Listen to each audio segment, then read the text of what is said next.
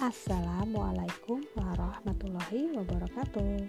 Halo, selamat datang di dunianya Bunda dan Alteza Podcast ini merupakan versi audio dari Sharing is Caring kelima di IG Live Bunda bersama dengan Mbak Marina. Temanya adalah tentang bagaimana tetap produktif di lingkungan yang toksik. Bagaimana cara kita mengatur strategi supaya tetap produktif dan menjaga amal soleh di tengah kondisi yang tidak ideal dan toxic people. Hmm, tapi kita juga harus waspada sih. Jangan-jangan kita selalu berpikir bahwa kita berada di lingkungan yang toksik, padahal sebenarnya yang toksik itu justru kita sendiri atau justru malah kita tidak memahami kalau sebenarnya orang di sekitar kita, orang terdekat kita itu toxic. Hmm, menarik ya. Oke, silahkan didengarkan podcast berikut ini.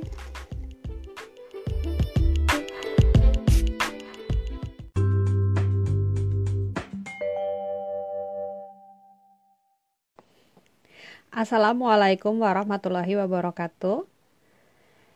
Kita ketemu lagi di sharing is caring antara aku dengan Mbak Marina atau account Instagramnya Chan.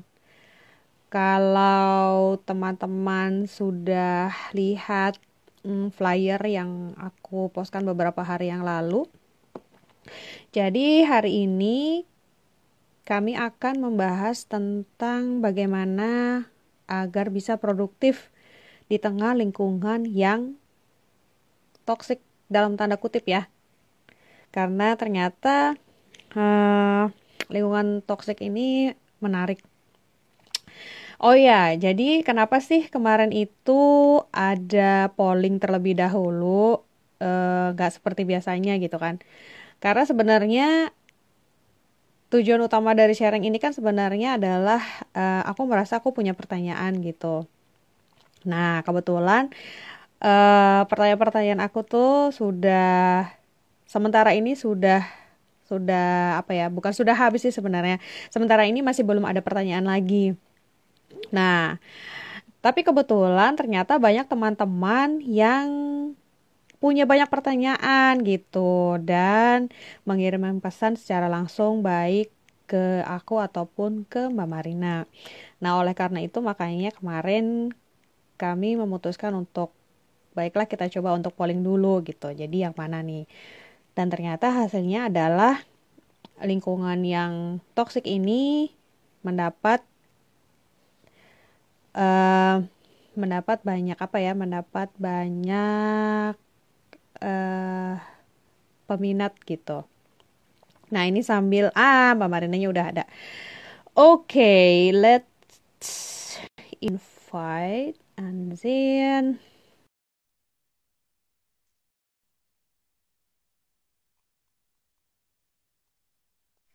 Nah, tadi sampai mana ya? Oh iya. Ah, Assalamualaikum warahmatullahi wabarakatuh, Mbak. Udah beres, Mbak. Udah. Last minute banget, kurang berapa menit tadi tiba-tiba aku kepingin ke ya, belakang. apa lah. Aku sampai, nggak tahu yang lain nungguin. iya, maaf ya. Tadi ada urusan urusan ke belakang dulu, jadi ya udah. Um, Adi uh, agak terlambat berapa menit nih tadi? Aku sebentar kayaknya ada sesuatu yang aku mau beresin dulu bentar. Bentar aja ya. Alas kelar, alas kelar. Aku putar dulu ke sana. Soalnya aku baru sadar kalau di belakang itu ternyata ada beberapa catatan yang ada private. Aha. Ya, oh iya, tadi aku Oh, Mbak Marina ngirim pesan deh. Aku nggak ngelihat aku tadi udah langsung iya, aku uh, ngirim pesan tapi nggak tahu okay. juga lupa pesannya aku apa. Iya, aku tadi udah opening sebentar, udah mengucapkan salam dan um, membahas sedikit tentang kenapa kemarin kita ngadain polling gitu. Jadi Oh, dari Ica. Assalamualaikum. Waalaikumsalam. Aku lihat siaran ulang aja. Iya, nggak apa-apa. Bentrok sama belanja. Silahkan. Insya Allah nanti uh, ada IGTV seperti biasa. Eh, maksudnya rekamannya disimpan di IGTV seperti biasa. Terus, um, ya, diusahakan untuk bisa juga tayang di podcast. Jadi bisa sambil nemenin mungkin sambil masak iya kayak aku dengerin podcast biasa sambil masak. Atau sambil mungkin bisa beraktivitas uh, yang lainnya. Hmm, kalau gitu kita langsung aja Mbak Marina. Uh, dimulai dengan mungkin Bismillahirrahmanirrahim. Uh, kemarin itu kan hasil pollingnya adalah tentang yang menang adalah uh, bagaimana menjaga produktivitas di tengah lingkungan yang toksik gitu kan. Mm-hmm. nah Aku tadi udah sempat bilang bahwa ini pertanyaan-pertanyaan ini sebenarnya datangnya adalah dari beberapa teman-teman yang mengirimkan pesannya langsung gitu kan ke hmm. aku ataupun ke Mbak Marina gitu. Nah, jadi kita langsung bahas aja. Hmm, kalau dari aku nih Mbak, maksudnya tentang lingkungan toksik ya. Aku sih sejauh ini alhamdulillah belum kali ya. Maksudnya kalau sementara ini sih aku nggak berada di, aku tidak merasa berada di lingkungan seperti itu gitu. Alhamdulillah sehat-sehat aja. Hmm. Nah, cuman ya ini nanti mungkin Mbak Mariana bisa ngejelasin ya. Aku tuh kalau untuk yang disebut dengan toxic itu aku jadi berpikir, uh, apakah kita yang menilai itu toxic ataukah hmm. memang ada standarnya tertentu sehingga kita bisa mengkategorikan ampun deh ini toxic banget gitu. Ya, ya udah, silakan Mbak ya, menjawab. Sebenarnya pertama aku harus disclaimer dulu, sih. Aku tuh bahasa Inggrisnya nggak kayak ke Jerman Jerman, jadi mohon maaf ya kalau aku bahasa Inggrisnya tuh. jadi aku harus kasih disclaimer dulu pertama. Ya pertama kan aku uh, bukan psikolog, ya. Aku juga bukan ustazah. jadi yang yang aku mau jelasin di sini adalah apa yang aku uh, pahami ya dari kacamata hmm. aku dan kemudian dari pengalaman aku dalam uh, berusaha untuk bangkit, untuk produktif di tengah uh, apa sih namanya uh, uh, lingkungan yang toksik atau enggak berhadapan dengan orang-orang yang toksik gitu karena memang aku punya pengalaman tentang itu mbak gitu real gitu kan hmm. Iya gitu. Iya sih kalau dulu-dulu sih kayaknya mungkin iya ya. Uh, uh, jadi kita tuh iya kayak sih. kayak langsung yang oke okay, aku pernah punya pengalaman gini-gini gitu ya terus ternyata baru sekarang sekarang tuh baru kayak ngeh gitu oh ternyata itu tuh toxic ya orang itu gitu ya setelah ketipu puluhan juta gitu ya. Astagfirullah.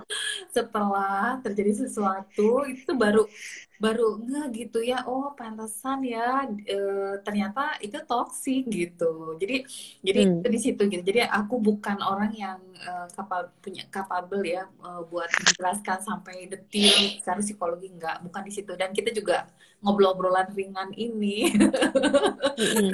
bukan untuk untuk e, membahas sampai yang terlalu jauh seperti itu tapi bagaimana e, kita bisa e, strateginya gimana nih kalau dapet situasi kondisi yang kayak gitu gitu kan ya jadi mm -hmm. itu pertama disclaimer dari aku terus yang uh, kedua adalah sebenarnya yang namanya toxic itu yang kayak gimana gitu kan terus uh, apa sih gitu ya uh, toxic uh, lingkungan yang toxic itu atau enggak orang yang toxic itu seperti apa gitu ya jadi kalau dari pengalaman aku sendiri gitu jadi yang namanya toxic itu adalah bener-bener uh, singkat kata gimana ya aku kan selalu menyambungkan kepada Islam ya mbak Yossi supaya mm -hmm. kepala aku tuh juga mudah gitu. Soalnya gini, uh, kalau kita melihat definisi toksik itu orang toksik itu banyak banget ya.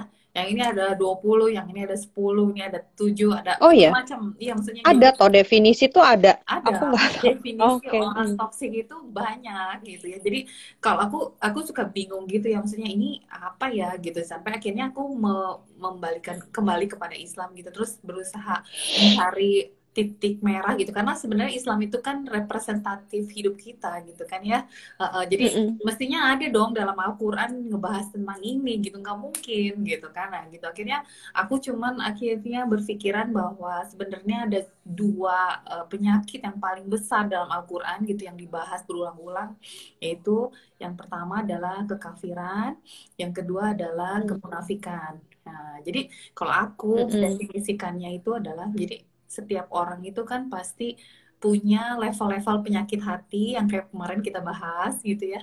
Nah, jadi level-level ini sampai yang paling mentok adalah bener-bener 100% kafir, bener-bener 100% uh, munafik gitu.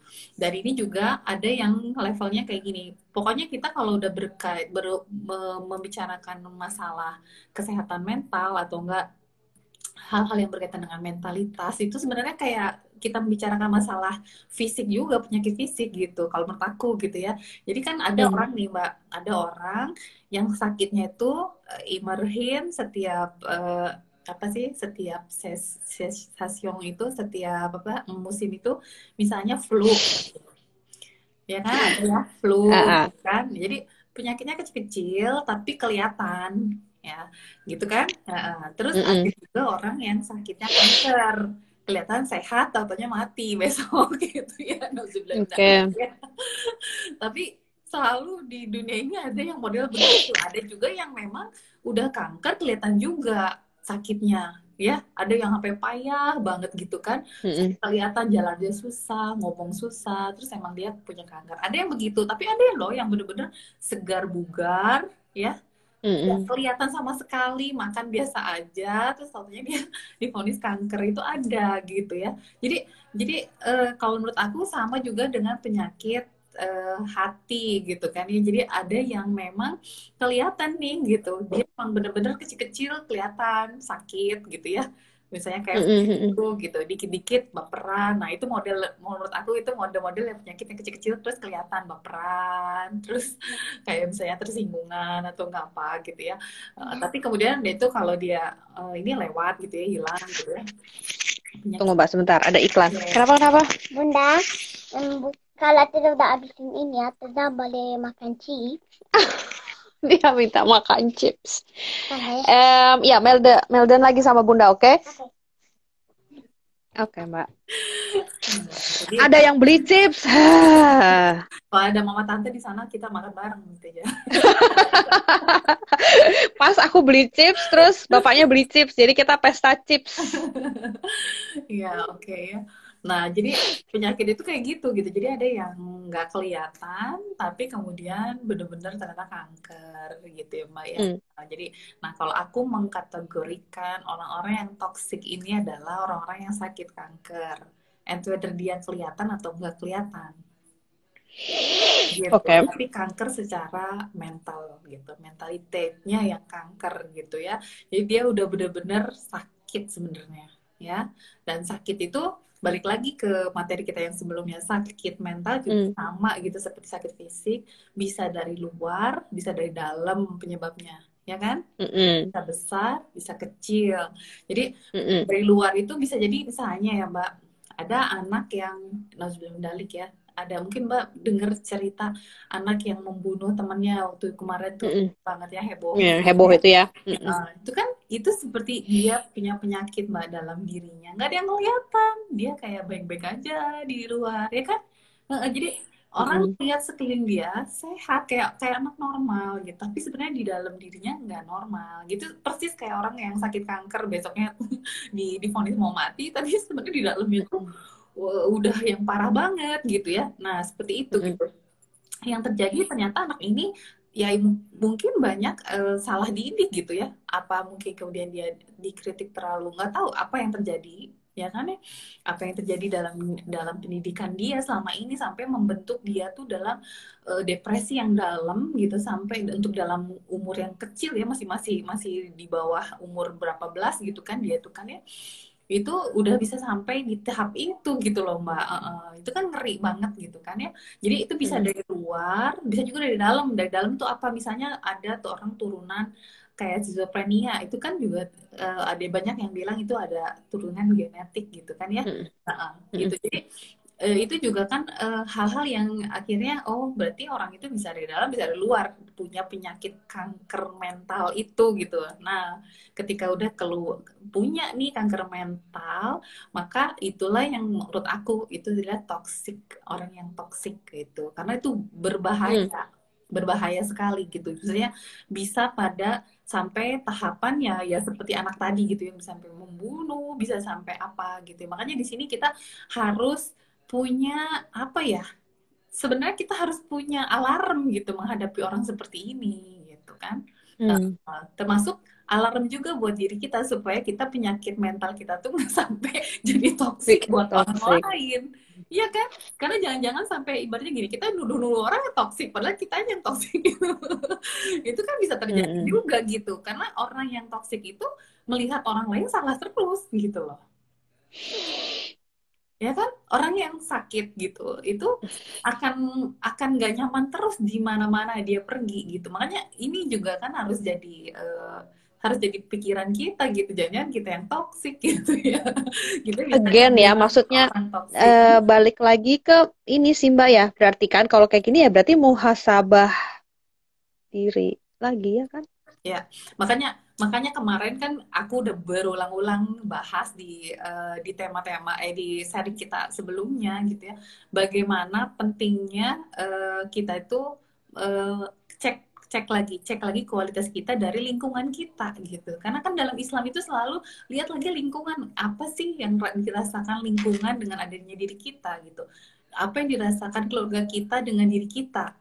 Ya kalau kita anak bagaimana orang tua kita bagaimana suami kita bagaimana istri atau enggak ya pasangan atau enggak eh, anak kita atau enggak tetangga kita kemudian teman kita di di deket-deket rumah tetangga ya. Terus kemudian lebih jauh lagi komunitas kita karena kita nggak bisa gitu. Kita harus ngecek terus diri kita supaya penyakit-penyakit mental kita yang pasti kita semua punya penyakit hati itu ya. Mm-mm. Nggak nggak jadi penyakit mental terus kemudian nggak jadi besar besar besar sampai jadi toksik buat orang lain. Karena semua hal seperti yang kemarin-kemarin aku bahas juga bahwa semua penyakit mental kita itu atau enggak penyakit hati kita itu bisa jadi besar seperti orang yang cuma ketusuk jarum di tangannya kemudian tiba-tiba diamputasi tangannya itu kan bisa juga gitu. Jadi jadi kita tuh eh, mesti terus-terusan makanya dalam Islam itu terus-terusan ngecek ya kebersihan hati terus bagaimana eh, apa sih posisi kita di tengah masyarakat? Bagaimana perasaan kita terhadap orang orang terhadap kita? Jadi bulak balik bulak balik kita selalu muhasabah lagi muhasabah lagi gitu.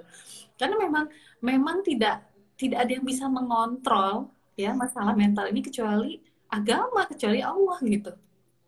Ya kan? Mm-mm. karena makanya kita jangan heran eh, di penjara-penjara Amerika itu lagi kan udah mulai tuh cerita banyak cerita bagaimana mereka bisa bertobat ya dengan agama dengan datangnya pendakwah-pendakwah ke ke dalam penjara-penjara itu gitu. Kan memang apa ya terlalu banyak gitu ya masalah dalam hati itu yang nggak bisa di- kita kontrol kecuali memang kita mengikuti aturan agama gitu loh.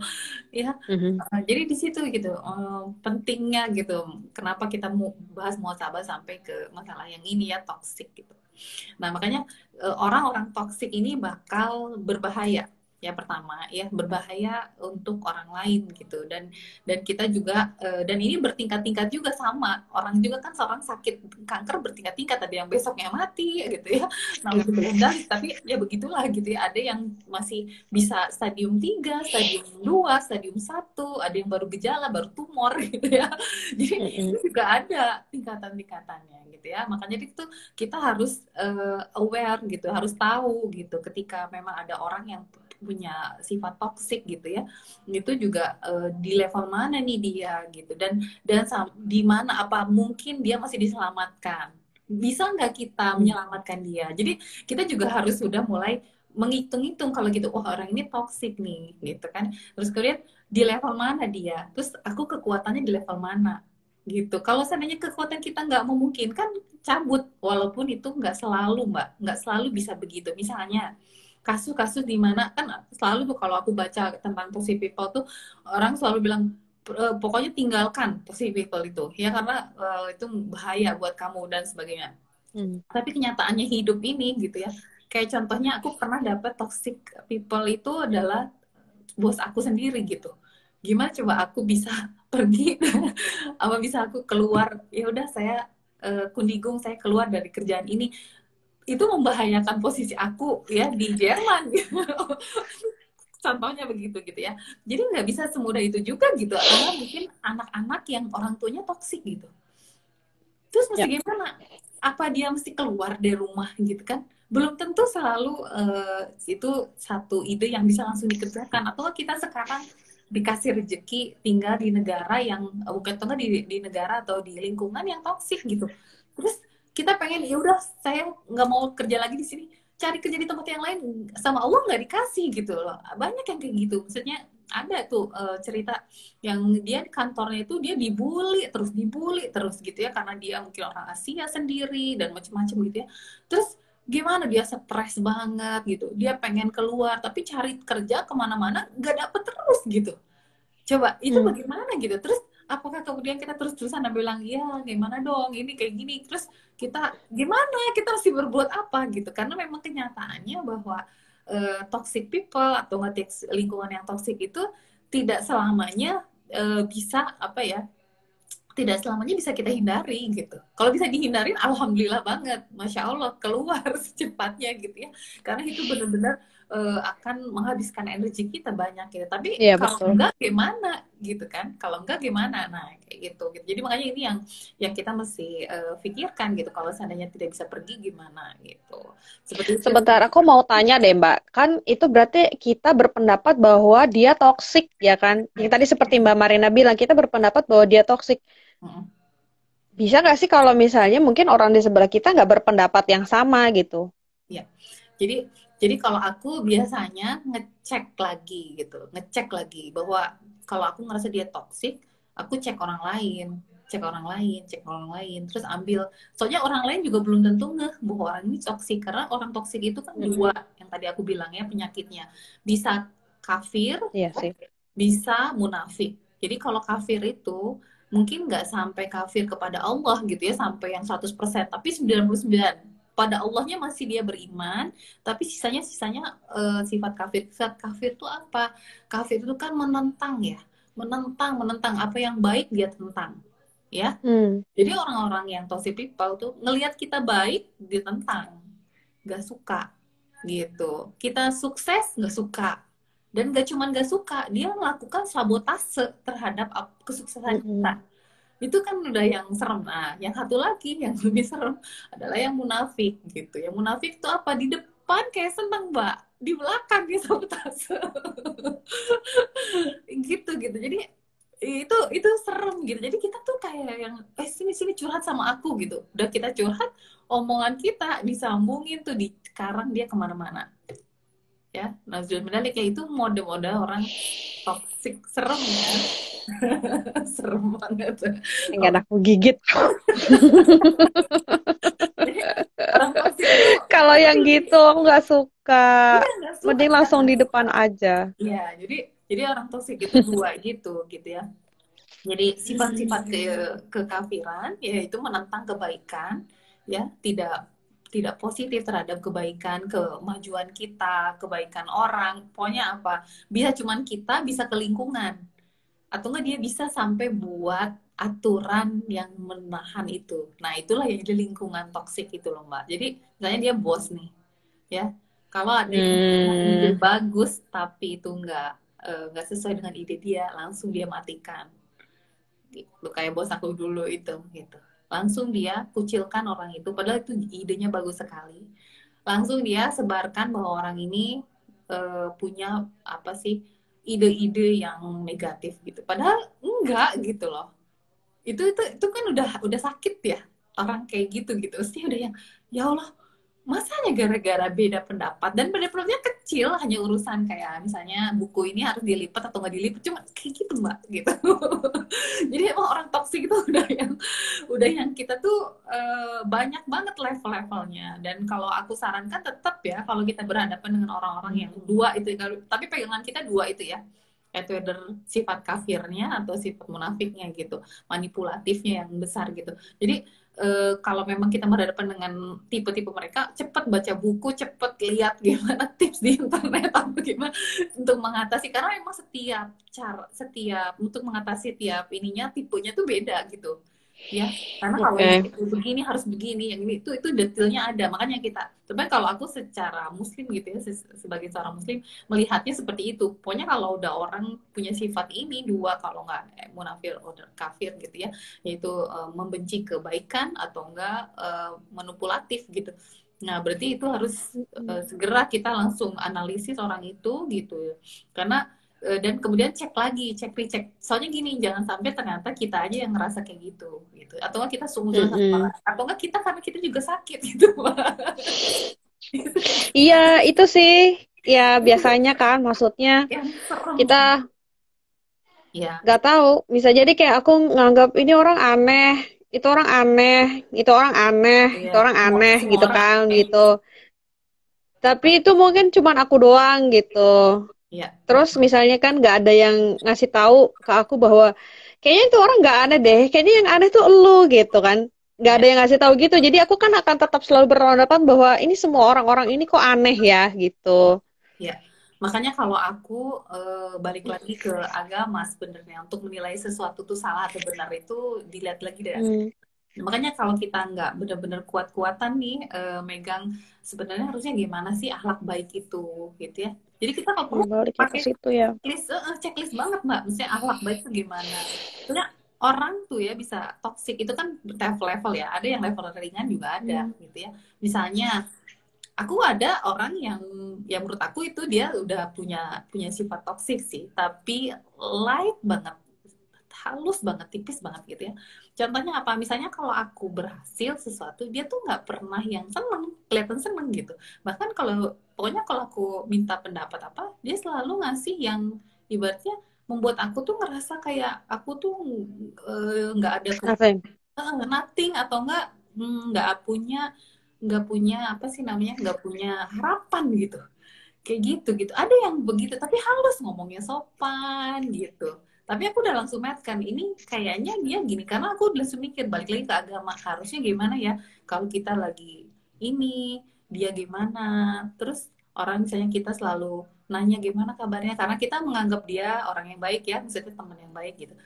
Gimana kabarnya? Tapi dia nggak pernah sama sekali nanya kabar aku misalnya kayak gitu loh mbak. Jadi kayak nggak Ops. Jadi Yang- tertohok. Maksudnya aku ya, Mbak. nggak maksudnya aku tahu ibu-ibu sama sih ya eh, tapi maksudnya tuh nggak pernah apa ya kita ngerasa nggak ada apa ya nggak ada timbal balik gitu loh mbak kalau tahu sibuk mah ya Aso. tapi nggak ada timbal balik ngerti nggak sih mbak kayak ngomong sama dinding gitu Ha, dia tuh kayak yang nggak mau support apa pun gitu kayak gitu gitu jadi ada orang Tapi itu hanya berlaku, hmm, bisa nggak sih kita ngeceknya adalah bahwa, oh dia memang kayak gitu cuma sama aku doang gitu misalnya. Tapi ternyata sama Oh, orang lain enggak. kita Itu juga bisa Mbak. jadi indikator nggak? kalau kalau aku gini toxic people itu bisa melakukan yang kamu rasa cuma ke kamu doang tapi kalau orang lain nggak belum tentu juga tapi bisa jadi dia juga ke orang lain Oh, kamu nggak tahu gitu loh aso. makanya sebenarnya eh, apa sih yang harus jadi pegangan kita kan balik lagi ke agama ya gimana yang namanya keadilan gitu. Kalau ini adil dong kalau ber, kita bersaudara itu kan harus ada dua dua pihak ya. Nah, harus adil dong aku nanyain kamu kamu nanyain aku. Gitu kan kamu kamu baik Hmm, eh, ya maksudnya bukan bukan take and give eh, ya gimana ya bukan eh, kita give tapi juga harus ada orang juga give gitu give sama give gitu loh. Jadi kan ada relationship gitu kan ya Nah, give dan give bukan take and give lah. Aku nggak suka dengan istilah take and give. Ini kayaknya kita nggak nggak ridho gitu sama orang gitu ya. Hmm. Kita pengen take gitu. Nggak bukan give sama give gitu. Nah kayak gitu. Tapi kalau kita give give give dianya nggak nggak nggak. Nah itu kayak gitu gitu. Jadi ada satu yang salah gitu dari dia. Karena sebenarnya relationship itu harus uh, give dan give gitu ya. Jadi kayak pingpong gitu. Tak tak tak tak gitu. Simbiosis, simbiosis.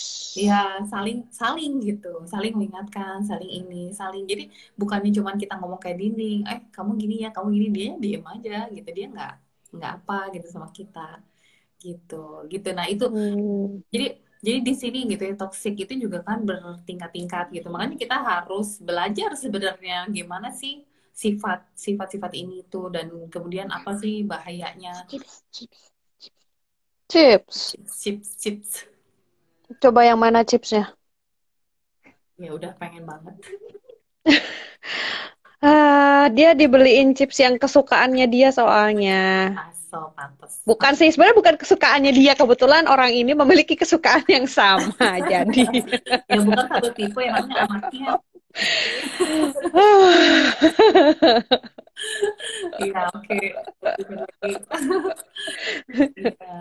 ya gitu mbak jadi eh, jadi uh, ketika memang orang itu ya toksik mestinya kita pasti akan tahu gitu mestinya kalau kita nggak tahu ya itu makanya kita Assalamualaikum. Ternyata yang dipilih kesukaan bundanya. Uh, ya, supaya bundanya bisa Anaknya mau mau tentang Alamat mau, habis. mau juga. Nih, ya tapi boleh nggak Teza ambil piring? Visionesh. main oke ya lanjut ya jadi Mm-mm. Jadi dia nggak suportif dia nggak sayang sama kita. Pokoknya nggak mendukung kita nggak memberikan bal simbal balik. Makanya kalau aku sih lebih seneng eh, melihat bagaimana seorang muslim dengan muslim yang lain. Tanggung jawabnya apa aja harusnya kayak gimana gitu. Nah itu gitu. Jadi kalau Hmm. nggak ad- nggak dua belah pihak nah bisa jadi memang ada sesuatu gitu.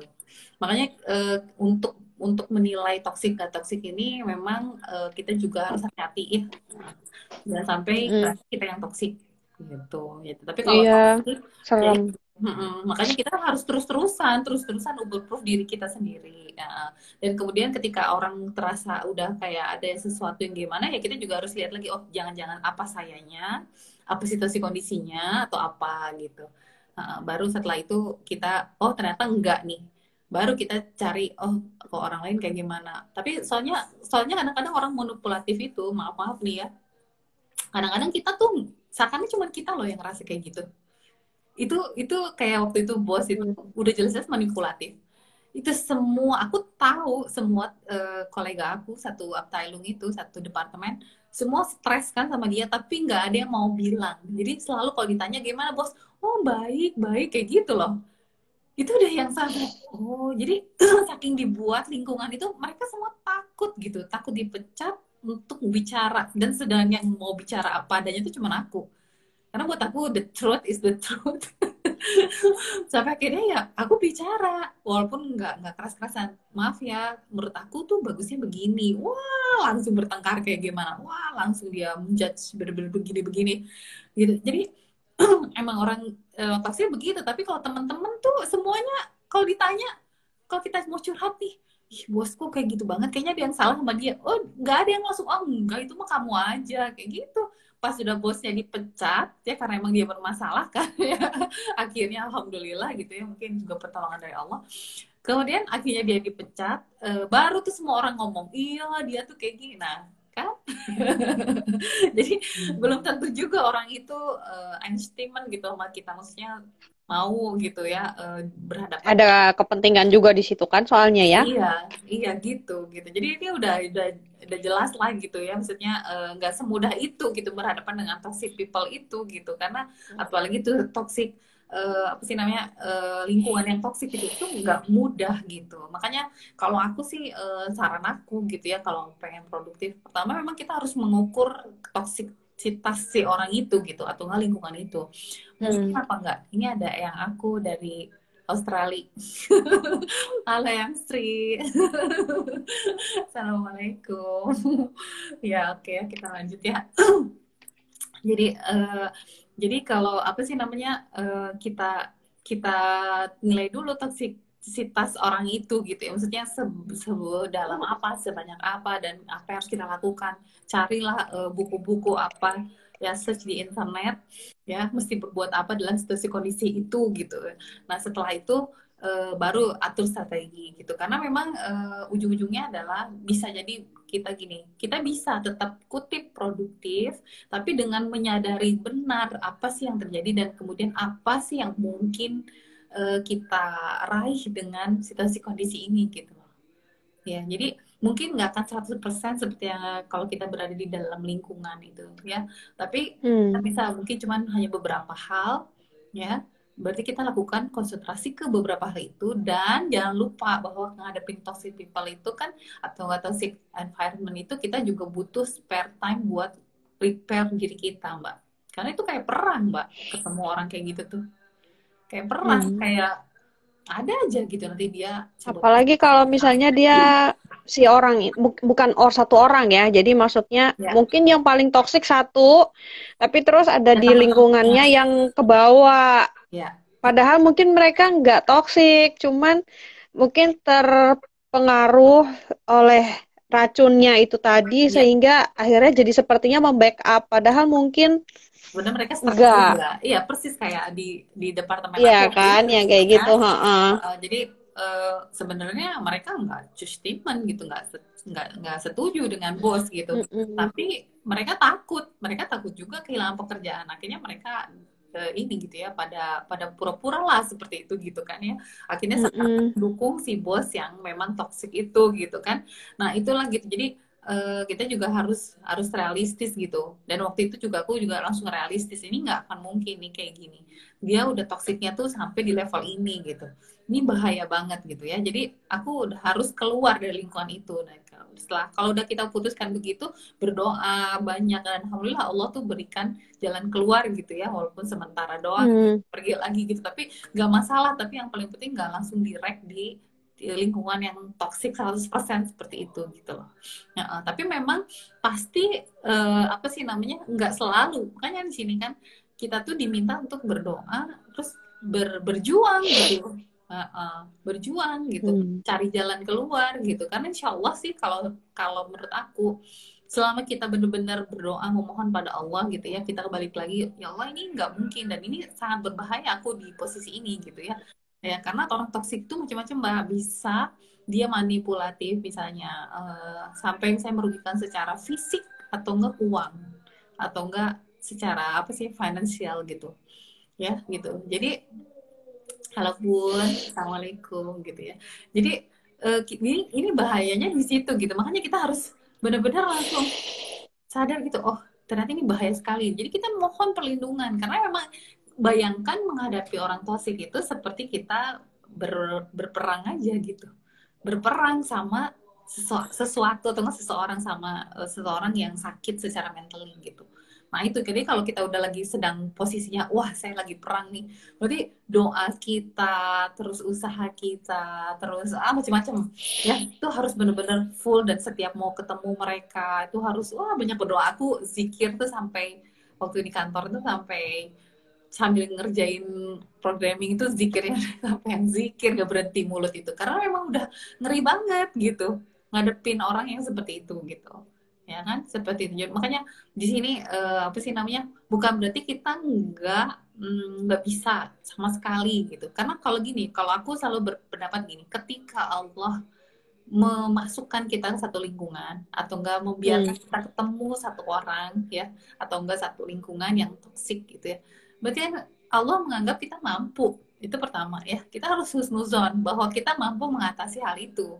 Tidak akan mungkin Allah tuh ngasih ujian yang kita tuh nggak bisa gitu loh mbak. Itu satu gitu ya.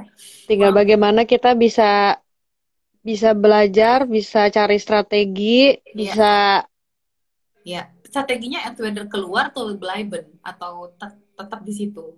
Ya kan? Strategi itu bisa macam-macam. Bisa keluar bisa tetap di situ atau enggak agak Tapi kalau keluar ketemunya ujiannya yang sama gitu lagi. nah kalau itu berarti ada yang salah dengan kita kayak magnet nah itu juga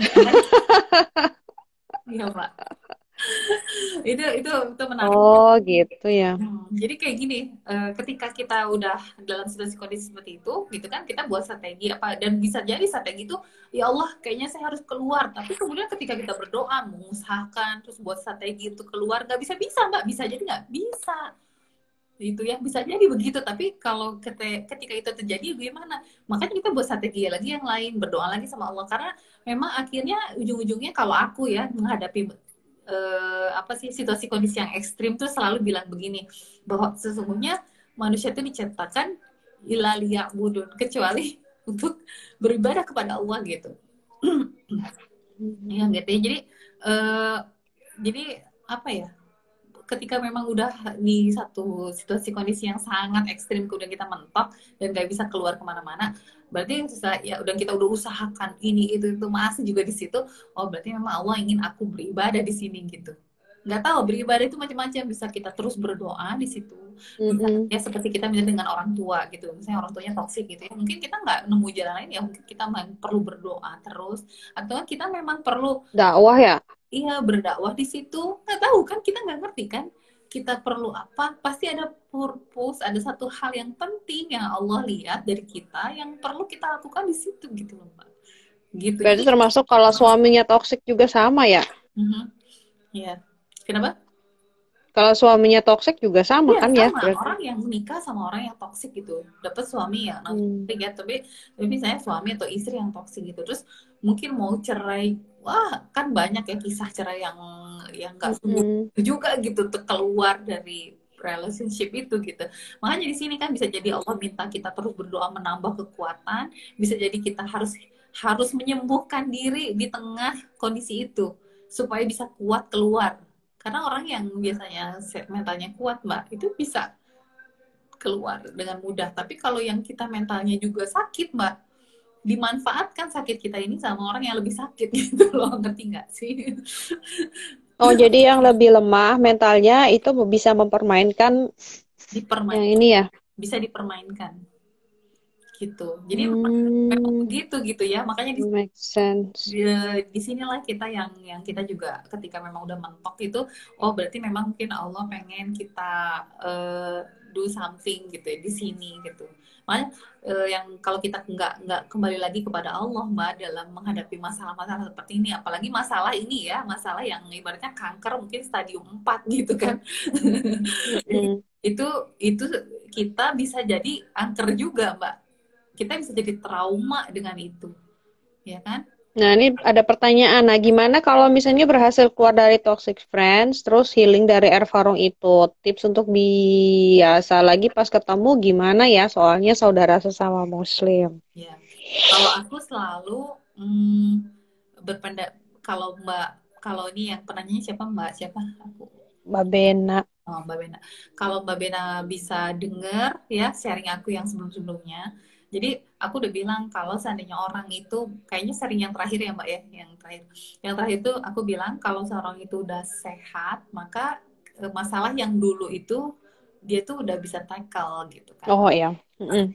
jadi jadi kalau seandainya memang udah healing ketemu lagi tuh sebenarnya bisa jadi itu tetap berat ya karena berhadapan dengan orang yang toksik gitu kan ya. Tapi kita udah kayak oh aku udah tahu nih hacknya di mana gitu. Akan lebih ringan lagi gitu. Apalagi selama Mm-mm. memang sama Allah tuh dikasih kesempatan ketemu lagi sama dia gitu. Pokoknya intinya apa pun takdir yang Allah berikan pada kita ketemu orang yang kayak gitu pun kita harus uh, husnuzon kepada Allah bahwa sebenarnya itu ada sesuatu. Bisa jadi teman-teman itu juga perlu diperbaiki makanya kita ketemu lagi ketemu lagi sama dia gitu iya kan Hmm.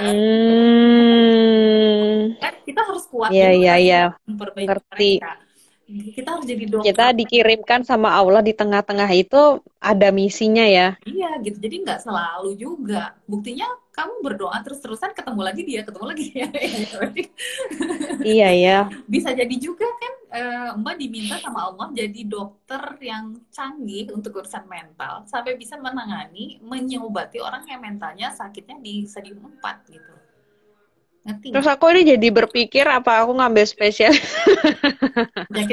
spesialisasi bidang Iya, aku juga tertarik banget sih sebenarnya belajar psikolog, tapi tapi ya alhamdulillah sih aku masih ke pertanian mbak saat ini pertanian.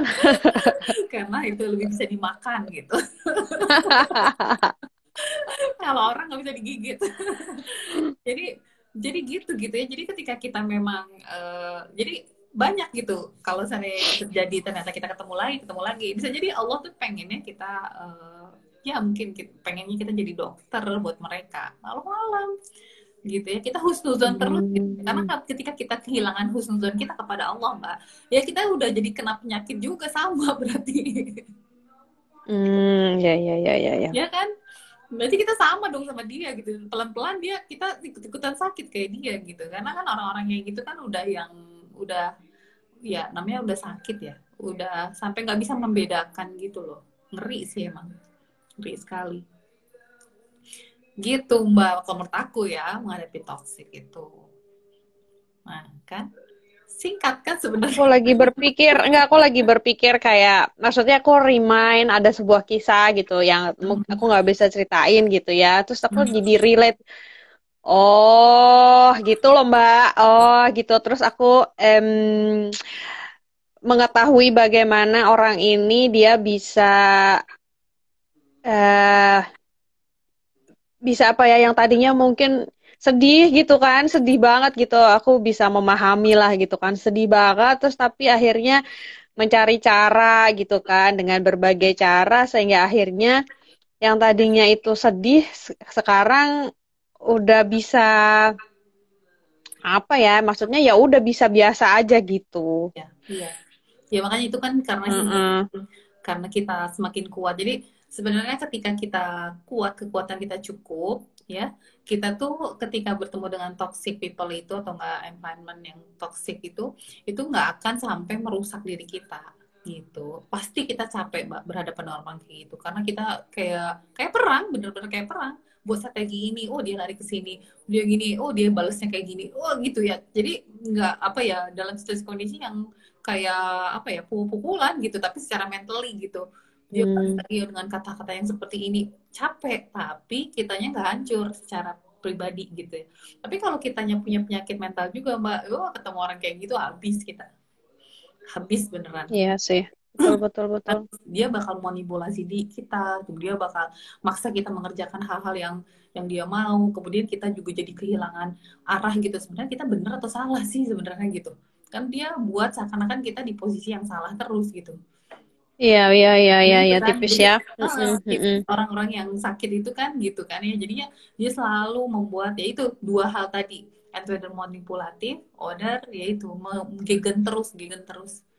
Nggak gegen dengan berbagai levelnya ya. Bisa langsung, bisa di belakang, bisa nggak diem-diem. Pokoknya pokoknya gegen gitu. nggak mengakui. Hmm. Makanya kalau dalam Islam tuh masya Allah ya akhlak-akhlak Islam itu coba kalau kita kerjakan semuanya itu kita bersih dari penyakit itu kan penyakit hati, penyakit mental gitu. Karena saya gini kayak kita ya kasih sesuatu sama orang kita bilang terima kasih itu kan ya mm berterima kasih terus kemudian dia membalas gitu. Itu kan simple ya tapi kalau orang yang toksik itu ketika dia ditolong dia nggak akan bilang terima kasih gitu. Dia bakal nyalahin kita kamu ngapain? Emang saya butuh sama kamu. Pokoknya dia tuh logikanya tuh kebalik-balik gitu loh uh, gitu. Kan memang sakit kan ya, makanya kalau aku bener-bener pegangan sih dengan dengan apa ya dengan akhlak islami itu dipegang bener gitu. Jadi kalau ada ada orang yang nggak sesuai itu udah langsung ya ya berarti dia memang udah ada penyakit penyakit walaupun mungkin levelnya kecil-kecil gitu kan ya. Hmm, tapi itu udah mulai toksik gitu. Makanya toksik itu uh, yang kalau dalam Islamnya itu seperti orang yang apa hasad, hasad, hmm? hasad, hasad, ya kan? Hasad itu kan toksik. Makanya orang yang hasad ya dalam agama, dalam Islam itu dikatakan bahwa dia itu akan mencukur amal solehnya gitu. Mengukur? Menyukur, mencukur agama. Oh, menyukur. Iya, jadi orang yang sakitnya udah sampai tingkat hasad, dia nggak akan suka kan nah, uh, bahkan apalagi sampai lebih lagi dari itu uh, bukan cuma tapi dia menghilangkan jadi hasad juga ada tingkatan-tingkatannya no nah, jadi orang-orang yang toksik itu kan di situ gitu ya nanti ujung-ujungnya uh, ke hmm. pikiran atau kemunafikan gitu gitu kalau ya, seram ya mbak aku. Uh, uh, makanya kan kita tuh berdoa dalam sholatnya setiap 17 kali membaca al-fatihah mendoakan itu kan sebenarnya mbak kita nggak jangan sampai kena penyakit dua itu kafir dan munafik ya kan ya kan jadi mustaqim hmm. Syuratal ladzina an'amta alaihim ghairil maghdubi alaihim waladhdallin jadi jangan sampai kita itu yaitu orang yang dimurkai kemudian orang yang apa satu ini uh, yang kan yang dimurkai gitu ya karena memang sifat-sifat dua hmm. sifat ini tuh berarti beranak pinak ke bawah bawah bawah bawah bawah, bawah. gitu tapi uh. dua ini gitu ujung gimana ya caranya supaya kita tuh maksudnya aku tuh masih ya karena aku masih ngerasa harus terus belajar maksudnya masih belum ya emang harus kudu terus belajar terus kan mbak gitu. Tapi hmm. gimana sih caranya supaya kita udah tuh punya alarm gitu bahwa ups kita kayaknya udah mulai-mulai toxic nih buat orang. Jadi nggak sibuk untuk kayak bilang judging people. menunjuk menunjuk. Jadi nggak sibuk menunjuk tapi kita mengembalikan ke diri kita juga bahwa oh jangan-jangan gua yang toksik gitu. Itu gimana sih cara set alarm itu gitu? Apakah dengan balik lagi dengan selalu ya itu tadi muhasabah terus mengembalikan segala sesuatunya gitu gitu. Supaya punya si alarm ini gitu loh mbak. Soalnya kan maksudnya manusiawi banget ya kalau kita tuh selalu uh, melihat kelemahan orang lain itu udah manusiawi banget gitu. Kita jarang banget ngelihat kekuatan orang lain ya kan? Terus habis itu kita selalu mencari kesalahan orang lain. Itu udah kayak ya manusiawi gitu. Nah itu tuh gimana sih cara setting set alarm itu gitu bahwa jangan sibuk nunjuk-nunjuk gitu. Ya karena dia um, uh, karena kamu gitu kan karena ini karena itu gitu. Kadang aku ngerasa apakah itu kultur kita ya gitu. Karena aku kayak ngerasa kalau um, kebetulan aku misalnya harus ber apa namanya bersosialisasi dengan orang Jerman di sini, aku belum pernah di lingkungan yang seperti itu gitu. Jadi kadang tuh aku ngerasa apakah ini karena kutulkah gitu kan, atau gimana? Jadi kita selalu sibuk untuk nyalah-nyalahin gitu. Apa itu emang beneran manusiawi seperti itu atau gimana? Dan harus gimana caranya sih supaya set alarm ini gitu? Ya, pertama uh, aku nggak setuju ya kalau itu hmm. kultur karena aku kan ngadepin so-so di lingkungan yeah, Jerman gitu kan. Ya, yeah, yeah, yeah, yeah. aku merasakan toksik lingkungan toksik itu di lingkungan Jerman gitu, di lingkungan kantor yeah, yeah, yeah. gitu ya. Dan aku juga melihat Erfahrung pengalaman orang-orang lain juga di lingkungan kantor seperti itu gitu yang toksik juga. Gitu. Mm -hmm, aku nggak bisa mm -hmm. itu Halo Mbak, kangen deh. Jadi aku nggak bisa bilang kalau itu gara-gara toxic uh, tuh gara-gara kultur ya, gitu. Enggak gitu. Uh, jadi itu hmm. mau orang Jerman kayak mau orang Indonesia kayak mau orang mana pun gitu itu orang bisa, mana pun. Uh, uh, bisa manusiawi ya, manusiawi banget itu punya punya yes, sifat toksik itu gitu ya. Punya penyakit hati penyakit mental itu semua orang juga bisa kena gitu ya gitu. Seperti itu. Terus yang pertama gitu. Terus yang kedua gimana caranya supaya kita nggak nunjuk-nunjuk orang bahwa orang lain yang toksik gitu dan kita yang enggak gitu ya. Makanya sebetulnya uh, apa sih namanya balik lagi kalau aku uh, biasanya sebelum uh, kalau aku nggak ngerasa nyaman sama orang aku harus tanya dulu ke diri aku gitu. Aku udah belum kayak gini sama dia aku udah gini aku udah penuhin belum uh, akhlak baik sama dia terutama ini untuk muslim dulu gitu ya aku udah nggak gini kan uh, aku udah nggak memenuhi gini apa sih yang kurang dari aku gitu? Apa sih yang nggak nggak membuat menyenangkan buat dia? Terus gitu jadi kita udah ngerjain itu semua hmm. ternyata benar ya oke ini udah ini udah ini udah. Ternyata dia masih nggak dan dia masih kayak gini. Nah berarti mungkin memang ada masalah di dia gitu. Jadi pertama memang harus ada checklist diri kita sendiri dulu gitu. Aku udah belum sih aku emang bener nggak kesal gitu gitu karena memang kadang-kadang uh, ya itu kita gampang banget. Kalau tapi aku selalu gitu sih setiap kalau udah nggak enak aja sama orang aku langsung duduk dulu diem dulu. Ini sebenarnya aku atau dia sih yang yang yang mestinya waras oh. siapa gitu ya. Yang waras tuh di sini mm -hmm. apa gitu kan. Aku apa dia gitu. Terus apa penyebabnya mm -hmm. dulu gitu. Apalagi kalau misalnya kalau baru kecil-kecil ya biasanya kita juga cepet ya. Sebenarnya kita cepet nih dengan nggak nyaman dengan orang itu sebenarnya kita cepat gitu. Cuman mm -hmm. cuman kadang-kadang ya itu kalau kita tidak refleksi balik ya pertama kita nggak tahu uh, siapa yang salah gitu. Terus yang kedua uh, kalau ternyata salahnya di kita kita terus-terusan sakit kalau salahnya di orang orang terus-terusan manipulatif sama kita. Asal. Ya kayak dulu aku aku dulu kayak gitu jadi aku terlalu apa ya aku terlalu percaya orang mbak. Aku tuh tipe orang yang semua orang aku percaya gitu kan. Sampai orang yang nipu hmm. pun aku percaya gitu kan. Karena aku sampai kata mama aku kamu tuh jangan terlalu baik nanti kamu ditipu orang. Ini bener juga ya. Kejadian ya. jadi jadi kejadian beneran gitu. Jadi akhirnya karena apa? Karena aku nggak mau mikir jelek ya sama orang gitu kan. Uh, jadi mm -hmm. tapi itu ketika kita nggak mau mikir jelek kita juga nggak mau uh, apa ya nggak mau refleksif buat diri kita sendiri gitu. Jadi jadi sebenarnya ketika kita mikir jelek sama orang itu bukannya kemudian ah udah lo jangan mikir jelek. Enggak pertama langsung oh iya kamu mikir jelek sama dia. Berarti kamu jangan jelek itu gitu. Jadi harus balik dulu ke dirinya gitu kan. Terus pikir mm -hmm. oh iya ya aku emang kayak gitu enggak ya gini-gini. Jadi akhirnya kita uber proof dua arah gitu. Adil. Adil gitu ya. Jadi nggak cuma proof dia terus eh. tapi proof kita juga gitu ya. Uh, kalau kalau seandainya aku bagian yang overproof aku terus orang lain nggak di overproof gitu. Salah juga. Jadi adil aja kalau sini di sini gimana dia. Nah ketika kita udah berusaha melihat masalah secara adil berimbang baru tuh kelihatan oh iya ternyata memang salah saya di sini sini nah soalnya kita tuh kemarin Hmm. bahas tuh masalah diskriminasi. Gimana caranya kita keluar ya atau enggak eh, sembuh dari diskriminasi? Adil. Adillah sama ya tegakkan keadilan itu da- walaupun dalam hati kamu sendiri gitu. Bahwa orang adilnya kayak mana nih? Adilnya nih orang ini harus gini dong. Kan aku udah kerja gini. Nah dianalisis gitu. Karena memang kita harus harus menegakkan keadilan. Kalau orang yang nggak suka analisis semua orang pasti menganalisis orang lain padahal nggak ada di dunia ini orang nggak nggak menganalisis orang lain itu biasa Analisis tuh bakat, Mbak. Iya, Kalau yang aku iya. belajar tuh analisis itu bakat, tapi ada yang kuat banget. Kayak misalnya aku tuh hobi anak masuk sekolah sampai apalah dicari gitu kan persentasenya. Nah, ada yang bakatnya mungkin analisisnya lemah, tapi dia tetap menganalisis, tapi mungkin kadarnya masih Iya. nggak detail banget. Tapi itu bakat, jadi orang pasti akan menganalisis betul. Jadi kalau aku bukan bukan mikir itu bakat, Mbak, itu adalah fitrah orang. Fitrah orang Iya, lain. itu udah dari Allah memang diturunkan Dedikasi. seperti itu gitu. Tinggal dia kuat atau dia lemah gitu. Terstimulasi nggak? Udah punya di dalam dirinya itu kan. Cuma saya dia Mm-mm. bisa pakainya kayak gimana. Dia punya rasa kritik kepada orang lain. Ya cuma dipakai untuk apa gitu kan. Nah, Mm-mm. gitu. Jadi dia punya rasa bersalah, tapi dipakai di mana gitu. Jadi itu yang masih kita tuh eh, ketuker-tuker gitu. Gitu ya. Makanya kalau seandainya kita balik lagi dengan aturan Islam, oh ternyata harus kayak gini. Makanya dipakai eh, semua. Kalau perlu buka yang namanya muslim yang baik itu yang kayak gimana?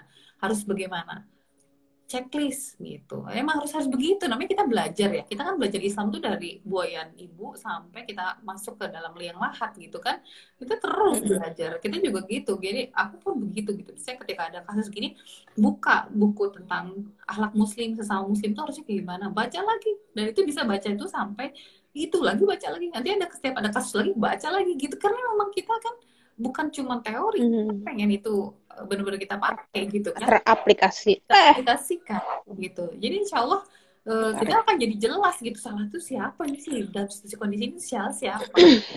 Orang tuh udah minta maaf. Kalau ini aturannya gini, lah dia ngomongnya kayak gini, berarti dia dong yang salah di sini. Nah gitu, jadi jelas. Oh, kalau- ah, terus aku gimana sikapnya? Aku udah berusaha begini. Oh terus dia komentarnya begini. Oh berarti dia yang salah gitu. Udah jelas. Jadi Islam itu menghilangkan keraguan-raguan, Mbak. Keraguan Ya, ya, ya. itu hal yang nggak boleh ada dalam Islam. Sampai kita ragu-ragu, udah kentut belum kentut aja itu udah jadi ada dalam hadis, Mbak. Iya, betul, betul. boleh dalam Islam itu ragu-ragu tuh nggak ada. Kalau ya makin kita berislam, makin kita paham Islam, nggak ada keraguan-raguan. Kita hidup tenang, nggak ada ragu-ragu bimbang itu nggak ada. Bimbang tuh bagian dari gangguan setan, ya. Jadi. Kita tuh semakin tenang gitu. Maka termasuk kita juga menilai situasi kondisi orang tuh makin tenang ketika, ketika kita benar-benar paham Islam, kita pegang tuh sungguh-sungguh nilai-nilai apa sih akhlak yang harus baik tuh gimana, tanggung jawab seorang muslim itu apa ke muslim yang lain dan sebagainya macam. Atau enggak pada orang kafir tuh kita harus bersikap seperti apa. Kita pegang semua.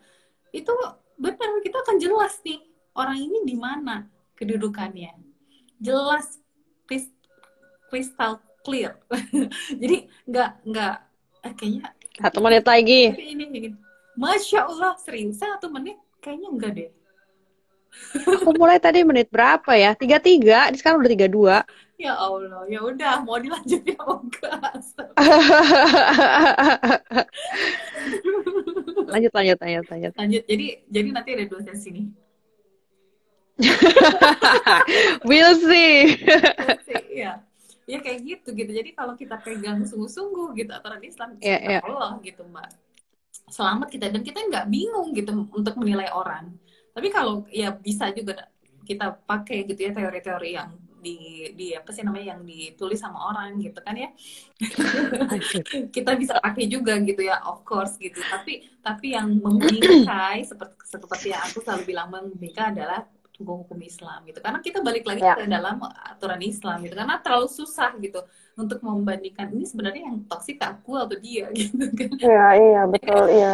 Apalagi kalau dianya kenceng banget wah kamu kamu toksik kamu toksik gitu kan biasanya kan orang Iya. orang yang sakit itu kan nggak mau disebut sakit ya kan gitu kamu yang sakit kamu yang sakit berarti yang sakit gitu makin kencang itu makin sakit ya gitu makanya kita di sini kita Oh iya ya, harus hati-hati ya kalau kita sibuk teriak-teriak. Mungkin Bisa kita yang bermasalah ya. Iya, bisa jadi. Uh-uh. Makanya di sini kan Islam tuh bisa jadi alarm juga sih betul dikasih dikasih apa sih? Kita dikasih sistemnya sama Allah dari tidur, sholat tahajud. Kenapa sholat tahajud itu penting? Doa doa kita di sholat tahajud itu penting. Ya, sholat kita di di waktu-waktu sebelum subuh itu penting. Kemudian sholat sholat kita yang lima waktu itu penting. Kemudian kita Hmm. sholat lima waktu itu berdoa, eh, muhasabah penting. Semua penting gitu karena memang itu sebagai apa ya? Ya itu sebagai setiap satu terminal ke terminal lain tuh kita duduk dan evaluasi gitu. Kalau nggak ada waktu evaluasi ya minimal satu kali itu ketika sholat tahajud gitu. Karena memang penting banget mbak. Atau enggak kita nanti bakal terus-terusan kita sakit, kita dua orang lain yang sakit, terus kita terus-terusan tambah sakit. Ada Iya, kok iya, iya. Iya, itu tadi makanya aku bilang, apa, set alarmnya gimana ya, gitu, buat eh, diri kita sendiri, gitu. Iya. Ya, mungkin salah satunya itu. Cuman namanya juga lagi sakit ya, maksud aku. Makanya kita kalau aku waktu itu ngebahas Takut jadinya. gimana caranya kita deteksi sakit apa yang paling kita rasakan, ya kan? Ya itu yang Iya yang pertama kita rasakan adalah ya itu gitu. Sakit yang mana tuh yang kerasa eh, yang benar-benar di dalam hati tuh kerasa sakit banget. Nanti kalau udah nggak 20 detik ya. ya, kalau nggak ada nggak ada yang sakit yang kita rasakan, berarti kita lihat Mm-mm. dari apa yang membuat kita nggak happy atau nggak menurut kita nggak produktif atau nggak kita nggak begeister gitu nggak semangat gitu ya kan kalau kita oh kayaknya hari-hari itu kayak Oke. Nggak semangat kita udah nggak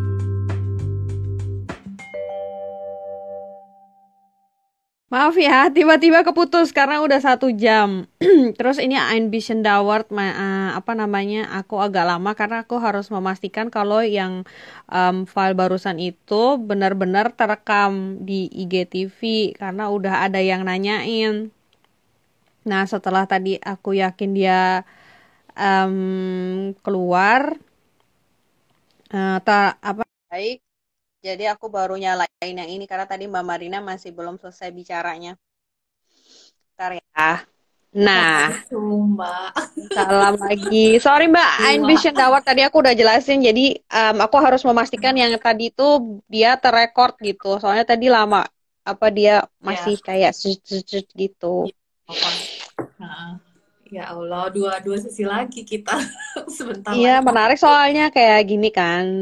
eh sebuah topik tema, tapi kita membahasnya bukan dari sisi em, psikologis ya, tapi kita juga nggak bungkusnya dari kacamata Islam gitu. iya Jadi ya emang menarik.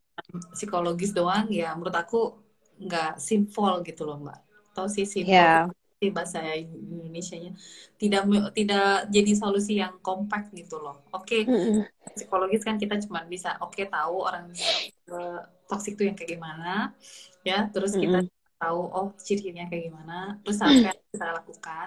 Tapi untuk diri kita sendiri apa kan nggak tahu tuh ya. Mm-mm.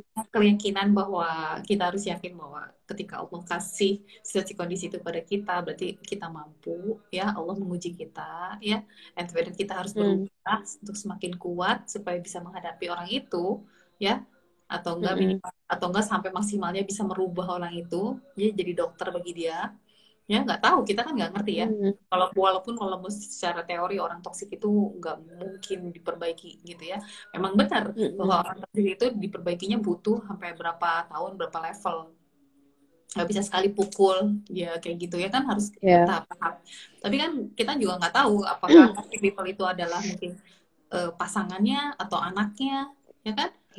Nggak orang tuanya gitu orang-orang terdekat gitu itu kan harus punya strategi nih gitu. Tapi di sisi lain juga kita harus tahu juga ini yang yang toxic yang mana dan kita juga harus harus keep apa ya eh, checking gitu. Keep on checking bahwa oh jangan-jangan kita yang toxic atau enggak jangan sampai kita tukaran toksiknya gitu ya ikut-ikutan.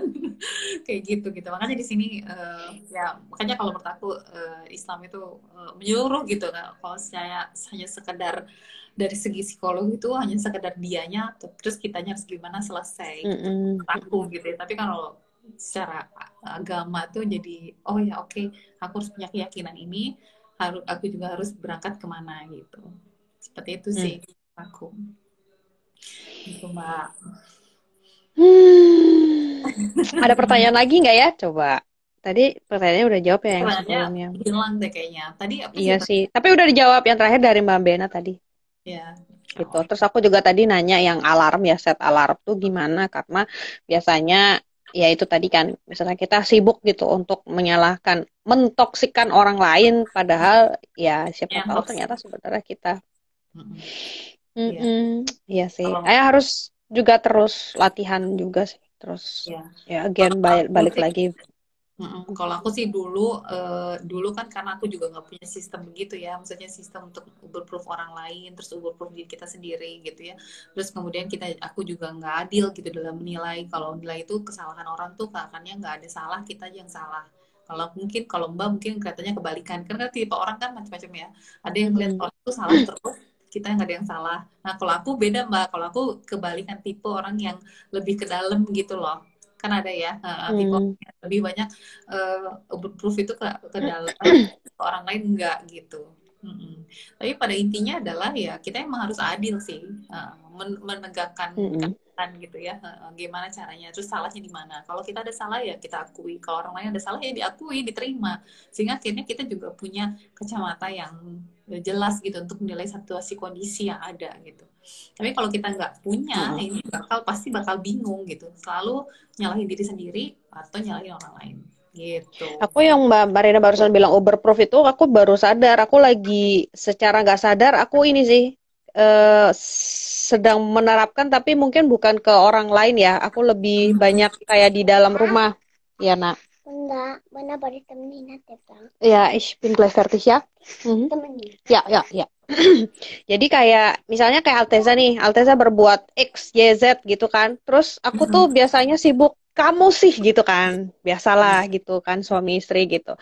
Kamu sih, kamu sih, kamu sih gitu. Nah, kalau sekarang eh sebelum aku atau mungkin ketika aku sudah terlanjur mengungkapkan kalimat kamu sih gitu, Mhm. terus aku kayak step back, eh, terus aku di situ kayak eh, itu tadi yang kayak Mbak Miran, bener gak sih dia gitu? Bisa jadi sebenarnya aku gitu, kayak gitu sih. Jadi kayak ya aku nggak sibuk nyalahin suamiku, tapi aku juga ngelihat diri aku sendiri gitu dan refleksinya ada sama Alteza kayak gitu sih.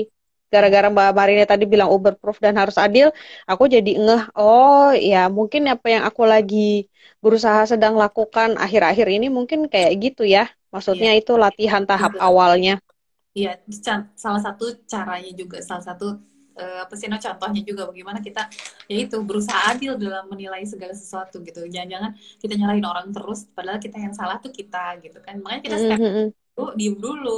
Kamu yang salah, apa dia yang salah? Itu tuh harus ada terus dalam diri Ya. kita gitu. Sehingga akhirnya kita nggak itu kalau kita berhadapan dengan orang yang sakit, kita nggak ikutan sakit. Ya. atau enggak kalau kita yang sakit kita kita juga jangan nuduh-nuduh orang lain yang sakit gitu lah kita toksik kita nuduh orang lain toksik gitu padahal kita yang toksik Ya, Eh, makanya di sini eh, ya, ya. keadilan itu penting banget makanya dalam Islam itu kan nggak ada Islam kalau nggak ada keadilan. Itu nilai keadilan itu nilai yang paling apa ya secara sosial ya Yes. menonjol gitu yang harus ada gitu. Kalau memang ada yang namanya Islam itu gitu. Makanya kita juga di situ kita harus benar-benar adil dalam menilai diri sendiri. Nah dan ini nggak akan mungkin kita bisa lakukan kalau kita yaitu eh, setiap muasabah salah ya. Makanya yang muasabah yang nggak produktif akhirnya whether kita nyalah nyalahin diri kita sendiri order kita nyalahin Mm-mm. orang pas lagi muasabah akhirnya toxic juga muhasabahnya karena hasilnya outputnya salah gitu. Makanya kita kembali lagi harus pegang lagi gitu ya. Eh, kenapa kita harus belajar penyakit hati apa segala macam gitu. Karena supaya itulah yang jadi pegangan kita gitu. Karena kalau kita Mm-mm. sendiri itu mbak kita nggak ada salah mbak. Susah kita melihat kesalahan kita. Iya sih. Iya.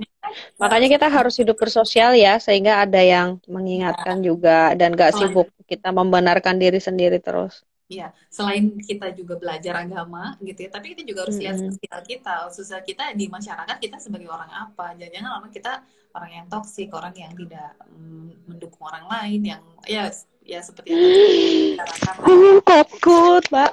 ya orang yang hasad gitu ya, yang ya begitulah gitu. Lalu malah disowab.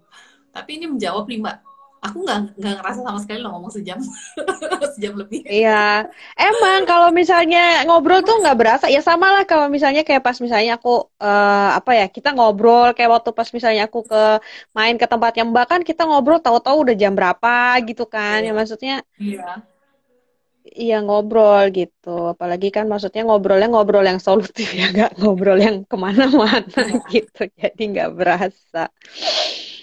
iya Allah Ah, insya Allah cukup ya kalau menurut aku. Ya maksudnya aku cuma kasih apa ya eh, inti-intinya aja gitu. Ini gimana ini gimana dan harusnya gimana. Ujung-ujungnya tetap aja kita harus kembali lagi belajar Islam lagi dan kita uber proof gitu setiap ada masalah kembali lagi pada Islam gimana aturannya harusnya mm-mm, gimana gitu kan. Terus mm-mm. harus berbuat seperti apa tekniknya kayak apa itu semuanya semuanya sudah ada dalam dalam apa yang Rasulullah eh, berikan gitu kan Insya Allah ini ada Ada pertanyaan tuh terakhir tuh, Mbak. Apa tuh? Kalau muhasabah kayaknya kita ngerasa ada yang salah dari kita juga. Case-nya in or nggak kalau kita sementara dalam masa healing itu mencoba menghindari difficult people atau setidaknya membatasi. Jadi sebenarnya eh, ketika kita memang ada ngerasa gitu ya, oh ternyata aku terlalu sakit gitu ya, kan kita udah ngerasa oh kayaknya aku terlalu sakit nih gitu ya. Aku ya seperti orang sakit lainnya. Jadi eh, kenapa aku selalu bolak-balik bilang penyakit mental itu sama seperti penyakit badan gitu. Karena memang Mm-mm. dianalogikan juga sama Mbak. Kalau misalnya kita udah terlalu sakit kan kalau kita lagi sakit badan nih, misalnya lagi sakit apa nggak tahu lah yang parah banget gitu ya, Infeksi. infeksi atau apa gitu kan. Berarti kan harus kita di rumah ya, nggak boleh ketemu orang, ya kan? Kita harus istirahat, ya kan? Nah, kita harus minum, makan yang baik dan sebagainya gitu ya. Dalam lingkungan yang bersih, ya kan?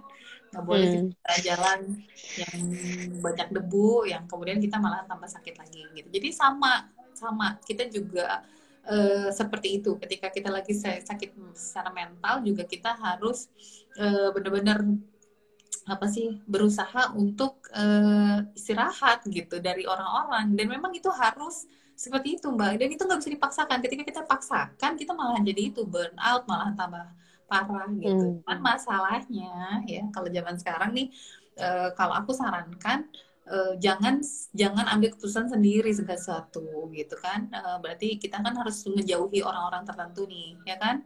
Nah, coba bicarakan bagaimana caranya supaya istirahatnya kita ini nggak jadi fitnah buat orang lain. Karena kan bisa jadi fitnah juga. Aso. oh, kenapa sih Oke. orang ini nggak pernah datang ya ke pengajian? Atau nggak orang ini nggak pernah ya, gitu. Apalagi kalau pengajian misalnya kita ada dalam liko gitu ya itu bicarakan dan minta izin gitu. Atau enggak gimana caranya gitu. Karena kita butuh gitu. Kalaupun nggak bisa gimana caranya untuk mengurangi? Karena kitanya kitanya lagi sakit bukan orang lain gitu gitu. Insya Allah kalau sebenarnya kalau menurut aku nih ya selama kita melakukan itu benar Allah tuh pasti ngasih jalan keluar sih. Tapi kalau kita cari-cari alasan sebenarnya kita nggak apa-apa. Kita nggak mau aja gitu ke orang itu lagi gitu. Ya sebenarnya orang itu juga sebenarnya nggak sakit. Berarti kita bukan sehat mbak. Sebenarnya kita sakit tapi kita cari pembenarannya supaya menjauh dari orang itu gitu. Nanti nggak aku Nggak, aku nggak ngerti, nggak ngerti, aku nggak ngerti. lagi ketemu orang-orang itu karena aku tuh emang sakit. Tapi sebenarnya aku nggak nggak mau tambah baik. Emang nggak mau aja. Jadi emang mau terus aja sakit supaya nggak ketemu lagi gitu. Berarti itu kan kita nggak healing gitu loh. Kalau healing itu kalau yang benar-benar healing di titik tertentu dia akan masalah yang dulu jadi masalah itu orang-orang yang jadi masalah itu nggak jadi berarti lagi buat. Aso. dia harus bisa Oke. tackle itu gitu walaupun eh, apa sih namanya mungkin bertahap-tahap gitu kan ya ngerti nggak jadi Hmm. bisa jadi kan kita lari juga dari situasi kondisi karena banyak orang yang kalau kerja tuh eh, cari-cari bilang buat surat sakit padahal nggak sakit gitu Iya, pengen aja kerja hari itu gitu kan iya. jadi tergantung. Jadi akhirnya balik lagi kan ke dalam sejujur apa kita sama Allah gitu. Dengan Jadi ingat waktu lagi nulis tesis. kan? Ada juga kan momen-momen itu. Jadi jadi sejujur apa kita mau memperbaiki penyakit hati ini? Kan kalau makanya kalau kita jujur sama Allah tuh ya dan biasanya Allah maha tahu sih kita mau Hmm. menghindar nih dari orang lain eh sama Allah diketemuin lagi ketemuin lagi berarti itu sebenarnya kita aja yang kita aja yang mau menghindar ya Irgun sebenarnya kita tahu lagi Mbak, cuma tinggal kita mau accepted atau kita mau denial aja. Nah, kan denial lagi, denial lagi gitu. Jadi kalau, kalau aku selalu uh, beranggapan bahwa apa yang Allah putuskan dalam ya terjadi itu adalah yang terbaik. Kalau kita ngaku-ngaku nih, aku lagi sakit mental nih, kayaknya aku perlu healing, aku harus jauhi orang-orang ini. Tapi sama Allah tuh Irgun disuruh ketemu lagi, apa ya berarti kita penyakit kita nggak sembuh kecuali ketemu orang itu jangan-jangan emang orang itu yang jadi Astagfirullah. Iya, Mbak. Ada oh iya iya iya. Ya kan? Ya kan? Iya iya iya orang oke oke. sakit itu suka ngaku-ngaku. Lah, bisa gini. Saya sakit nih. Saya nggak mau ketemu orang gitu ya. Lah, yang dia nggak mau ketemu itu dokter. sembuh nggak dia? Nggak sembuh. Makanya sama Allah dikasih lah ketemu lagi orang itu ketemu orang lagi karena dia dokternya makanya di sini lah gitu ya orang sakit tuh kan gitu gitu gak mau ketemu dong Make sense. Oke. makanya kita kalau aku selalu melihat bahwa Oke, make ya sense. ketika memang uh, Allah tuh kasih kejadian itu dalam hidup kita berarti memang kita ada sesuatu ketemu kita nggak mau ketemu orang itu dulu kita nggak mau berinteraksi tapi nggak bisa itulah memang mungkin obatnya tuh dari mereka. Bahkan mereka itulah dokternya. Itu makanya kalau aku sih apa ya berpikir lagi. Makanya aku nggak suka membuat keputusan sendiri. Apalagi harus misalnya aku healing nih. Terus aku harus uh, memisahkan diri dari kelompok. Aku nggak percaya. Gitu. Aku nggak percaya. Ya mungkin orang satu dua orang iya. Tapi kalau kelompok hmm, aku khawatir sebenarnya dokternya ada di situ gitu kita ngaku-ngaku sakit terus kita berusaha menghindarkan diri karena ada mbak orang kayak gitu saya mungkin kayak gini ya contoh nih ada uh, orang diajak berjamaah nih, yuk kita ngaji bareng-bareng, gitu kan ya? Terus sama mm -hmm. bilang, saya itu masih banyak penyakit hati, jadi saya nggak bisa, saya, saya untuk saat ini saya nggak mau ngaji, nggak mau ngaji dulu, saya saya banyak penyakit hati. Ada gitu yang kayak gitu bilang kayak gitu, jadi dia sadar dia punya, dia menyadari kalau dia punya penyakit hati gitu? Iya, sadar. Terus jadinya nggak mau ngaji. Iya, Terus jadi gimana gitu. caranya dia?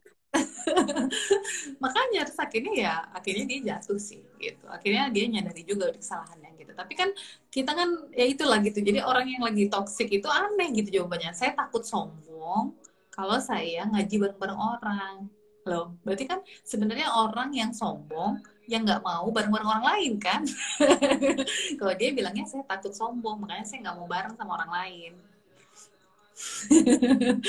ini kan udah terbalik-balik. Aku ya? serasa ini masuk ke mata kuliah apa tuh namanya filosofi gitu loh, Mbak. Yang ya. kalau dengerin tuh semakin bingung. Iya kan makanya itu kan balik-balik. Makanya kalau Islam tuh kan semuanya simpel. Yang sakit itu yang mana? Yang sakit yang nggak bisa berjamaah gitu loh. Nggak bisa sholat berjamaah oh. orang, orang muslim yang lain gitu. Makanya kalau kita sakit secara mental gimana? Ya bisa kita istirahat dulu gitu. Karena kalau memang itu parah banget gitu. Ya. Tapi tapi nggak sampai ya itulah. Makanya kalau kalau menurut aku sih kalau udah kita ngerasa sakit ya sampai kita harus memisahkan diri dari orang itu mendingan ke uh, seek professional help gitu kalau menurut aku gitu karena hmm. memang itu berarti kita sampai di tahap itu gitu soalnya gini kalau secara mentally sakit mentally yang aku tahu ya orang itu dipisahkan dari orang lain kalau memang dia sudah berbahaya untuk orang lain. Ya, ya, ya betul. Ya, Misalnya, psikiatri juga kayak gitu. Gak bisa menahan diri untuk nauzubillah milik membunuh misalnya. Nah, itu itu atau kak hmm. satu yang berbahaya gitu atau kak misalnya orang yang kayak predator gitu ya ngelihat anak kecil mau diapa-apain gitu. Dia udah gak bisa menahan diri. Nah, itu orang-orang itu yang harus memang memisahkan diri emang sakitnya tuh harus masuk rumah sakit nggak boleh ketemu orang. Nah, itu. Tapi kalau kita, nah belum di tahap itu udah ngaku-ngaku begitu kita ngeri ngeri gitu hmm. sebenarnya emang pengen jauh aja dari orang. Emang nggak mau ketemu dokter aja padahal orang itu ya misalnya bersama-sama berjamaah itu sembuh kita gitu sebenarnya. Gitu ya selama bersama ya berjamaah itu orang-orang yang nggak terlalu ya emang mungkin punya penyakit juga tapi nggak sampai segitu. Tinggal kita pilih aja orangnya gitu. Gitu. Oke oke. Ya, di sini oh. balik lagi. Nggak susah memang bener masalah toxic uh, uh, lingkungan toxic dan orang toxic ini susah gitu karena kita bakal challenging banget buat kita untuk menilai hukum-hukum Islam kan. Nah, makanya kita harus pegang banget ya sebagai apa ya pegangan yang adil gitu untuk menilai seseorang sesuai kondisi terus apa yang harus kita lakukan dan kemudian jangan lupakan kita butuh ist, uh, istikharah dan musyawarah gitu jadi tetap kalau dalam Hmm. itu istikharah musyawarah ya makanya aku waktu udah masalah dengan kantor kan kamu teleponin kamu teleponin siapa sahabat-sahabat aku. Karena aku butuh musyawarah gitu. Aku butuh pandangan orang lain gitu. Karena jangan sampai jangan aku yang bermasalah. Gitu kan. Aku butuh eh, terus apa yang harus aku kerjakan gitu. Jadi aku curhat tuh ke beberapa teman gitu kan. Supaya Hmm. mendapatkan sense ini Oh, sebenarnya oh. itu salah yang mana? Alarmku datang. Benar. Nanti ada satu. Mbak, alarmku Ya. udah bunyi, bukan Ya. telur tapi nah, nah itu dia Lah, apa Bunda lihat dulu kalau awal mana lihat mana berdarah enggak? ini. Tapi Oh. jangan dipegang. Oh, maaf ya. Bunda nggak lihat, nggak kelihatan. Iya, nggak apa-apa Mbak. Lagian kita udah satu setengah jam coba ngomongin ini. Insya Allah, udah cukup lah, biarin lah. Tanyanya berikutnya gitu. Aku ya, menurut aku udah cukup ya secara secara globalnya aja gitu. Uh, mudah-mudahan bisa Mm-mm. jadi pegangan karena pasti akan membingungkan. Ya karena memang eh, kasusnya yang kita pegang tuh susah banget gitu. Memang bener wajar Mm-mm. aja gitu ya. Kalau udah bingung kan, oh, bingung Pak, ya wajar aja. Makanya kita balik lagi ke dalam Islam gitu ya kalau perlu checklist. Checklist oh harusnya gini harusnya gini. Terus adilnya gimana kita menilai situasi Hmm. gitu. Termasuk kita untuk kita sendiri. Kalau kita mau putusin Oke. seperti ini mesti seperti itu. Karena obat itu kadang-kadang bukan yang seperti kita pikirkan tapi apa yang memang baik gitu. Ya kan? Ya, betul. Oke Oh, betul. sama-sama iya mudah-mudahan membantu ya insya Allah mbak cukup lah ditutup aja panjang Iya. Sebelum alarmku bunyi untuk yang ketiga kalinya. kalinya Allah.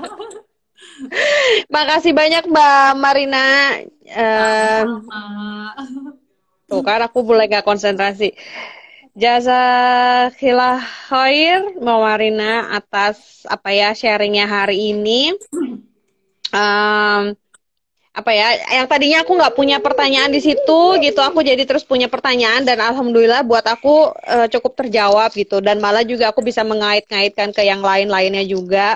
Masya Allah Mbak Marina semoga eh, yang bisa merasakan manfaat dari eh, sharing kita hari ini ngobrol-ngobrol kita hari ini bukan cuma aku aja bukan cuma Mbak Marina aja dan juga mungkin bukan hanya teman-teman yang kebetulan bisa ikut datang bareng eh, sama kita hari ini, tapi mungkin juga bisa untuk teman-teman nanti yang lainnya. Sebentar, sebentar. Tuh, nak, ini Bunda. Oke, sebentar, Atiza. Oh, Ya. Herti Hatiza. Sebelum ditutup, eh, ada baiknya bila kita membaca hamdalah terlebih dahulu, alhamdulillahirabbil alamin dan juga em, istighfar, astagfirullahaladzim, astagfirullahaladzim, astagfirullahaladzim. Ah, semua yang benar datangnya hanya Allah semata, eh, dari Allah semata dan apabila ada kesalahan apa pun itu datangnya dari kami berdua. Dan sebelum ditutup, mari kita membaca doa penutup majelis. Subhanakallahumma wa bihamdika, asyhadu an la ilaha illa anta, astaghfiruka wa atubu ilaik. Wassalamualaikum warahmatullahi wabarakatuh. warahmatullahi wabarakatuh. Dadah Mbak Marina, dadah teman-teman semuanya yang hadir hari ini. Terima kasih banyak. Assalamualaikum warahmatullahi wabarakatuh. Assalamualaikum